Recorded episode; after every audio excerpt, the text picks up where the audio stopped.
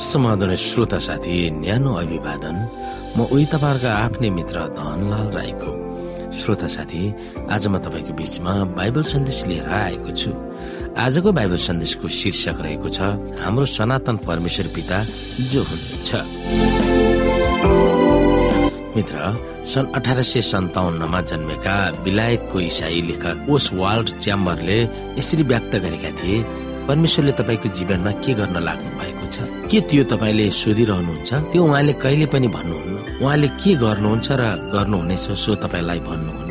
उहाँ को हुनुहुन्छ भनेर चाहिँ प्रकट गर्नुहुन्छ। यहाँनिर च्याम्बरले के भन्न खोज्नु भएको हो हामी सोच्न सक्छौ। हामीलाई थाहा छ अयुबको पुस्तक अयुबलाई भएको बडो व्यक्तिगत वियोगले सुरु गरिएको छ। उनले सबै थोक गुमाउँछन्। उनको छेद विच्छेद भएको शरीर र त्यस भयावह परिस्थितिदेखि परमेश्वर प्रति रिस गर्ने श्रीमती मात्र बाँच्दछिन् आफू सहनै नसक्ने परिस्थितिमा रिसको जोगमा अयुबलाई सान्त्वना दिने त कहाँ हो? झन् सुनाउँछिन् प्रभुलाई सराप र आत्महत्या गर। अनि अयुबका साथीहरू पनि आएर अयुबको पीडामा झन घिउ थप्दछन् ती सबै थोक किन भयो भनेर बहस गर्दछन्। प्रभुले सबै थोक सुनिरहनु भएको हुन्छ र चुपचाप बस्नुहुन्छ। अनि अयुब अडतिसमा प्रभु देखा पर्नुहुन्छ र बोल्नुहुन्छ तब परम प्रभुले अयुबलाई आँधीबेरीबाट यसरी जवाब दिनुभयो। यो को हो जसले मूर्ख कुराहरू गरेर मेरो सल्लाहलाई धमिलाउन खोज्छन्? तेरो कम्बर कसेर मर्द खडा हो? म तलाई सवाल गर्छु र तैले मलाई जवाब पृथ्वीको जग मैले बसाल्दा त कहाँ थिइस्? तैले बुझ्छस्? तैले बुझ्छस् भने मलाई बता। त्यसको नाप कसले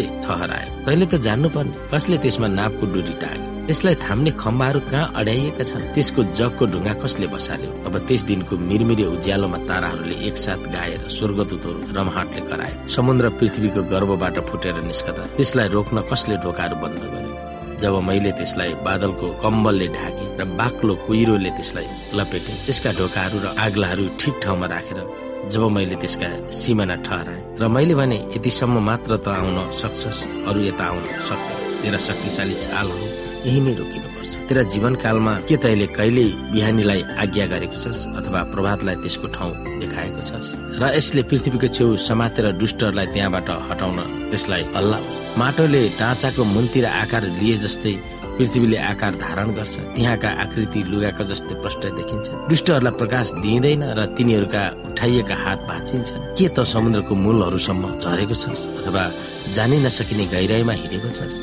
के मृत्युका मूल ढोकाहरू तँलाई प्रकट गरिएका छन्? के तैले अध्यारो ठाउँका ढोकाहरूलाई कहिले देखेको छस्? के तैले पृथ्वीको विस्तृत फैलावटलाई बुझेको छस्? यी सबै तैले जानेका भए मलाई बता ज्योतिको मुहान कता छ र अन्धकार कहाँ बस्छ? के तैले तिनीहरू हरेकलाई तिनीहरूका ठहराइएका सिमानामा लैजान सक्छस् र? तिनीहरूका घर जाने बाटो तँलाई थाहा छ? निसन्देह तैले यी सबै कुरा जान्दछस् होला। किनकि त जन्मिसकेको थिइस्। त यति धेरै वर्ष बाँचिसकिस्।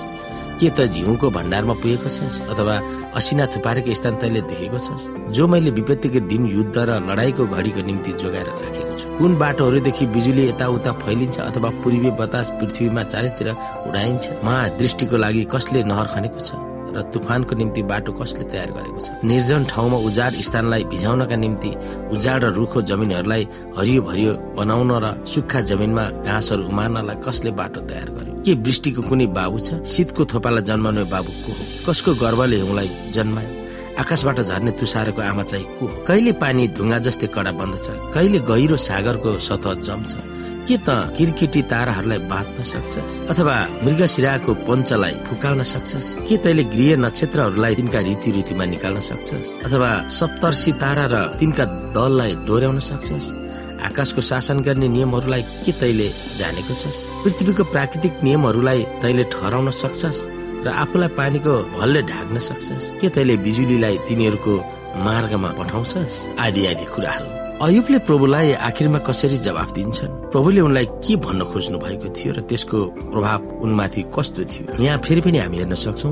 तब अयुबले यसो भनेर परमप्रभुलाई जवाफ दिए तपाईँ सबै कुरा गर्न सक्नुहुन्छ भने म जान्दछु। तपाईँका कुनै योजना पनि विफल गर्न सकिँदैन। तपाईँले सोध्नुभयो ज्ञानै बिना मेरा सल्लाहलाई कसले धमिलो बनाउँछ?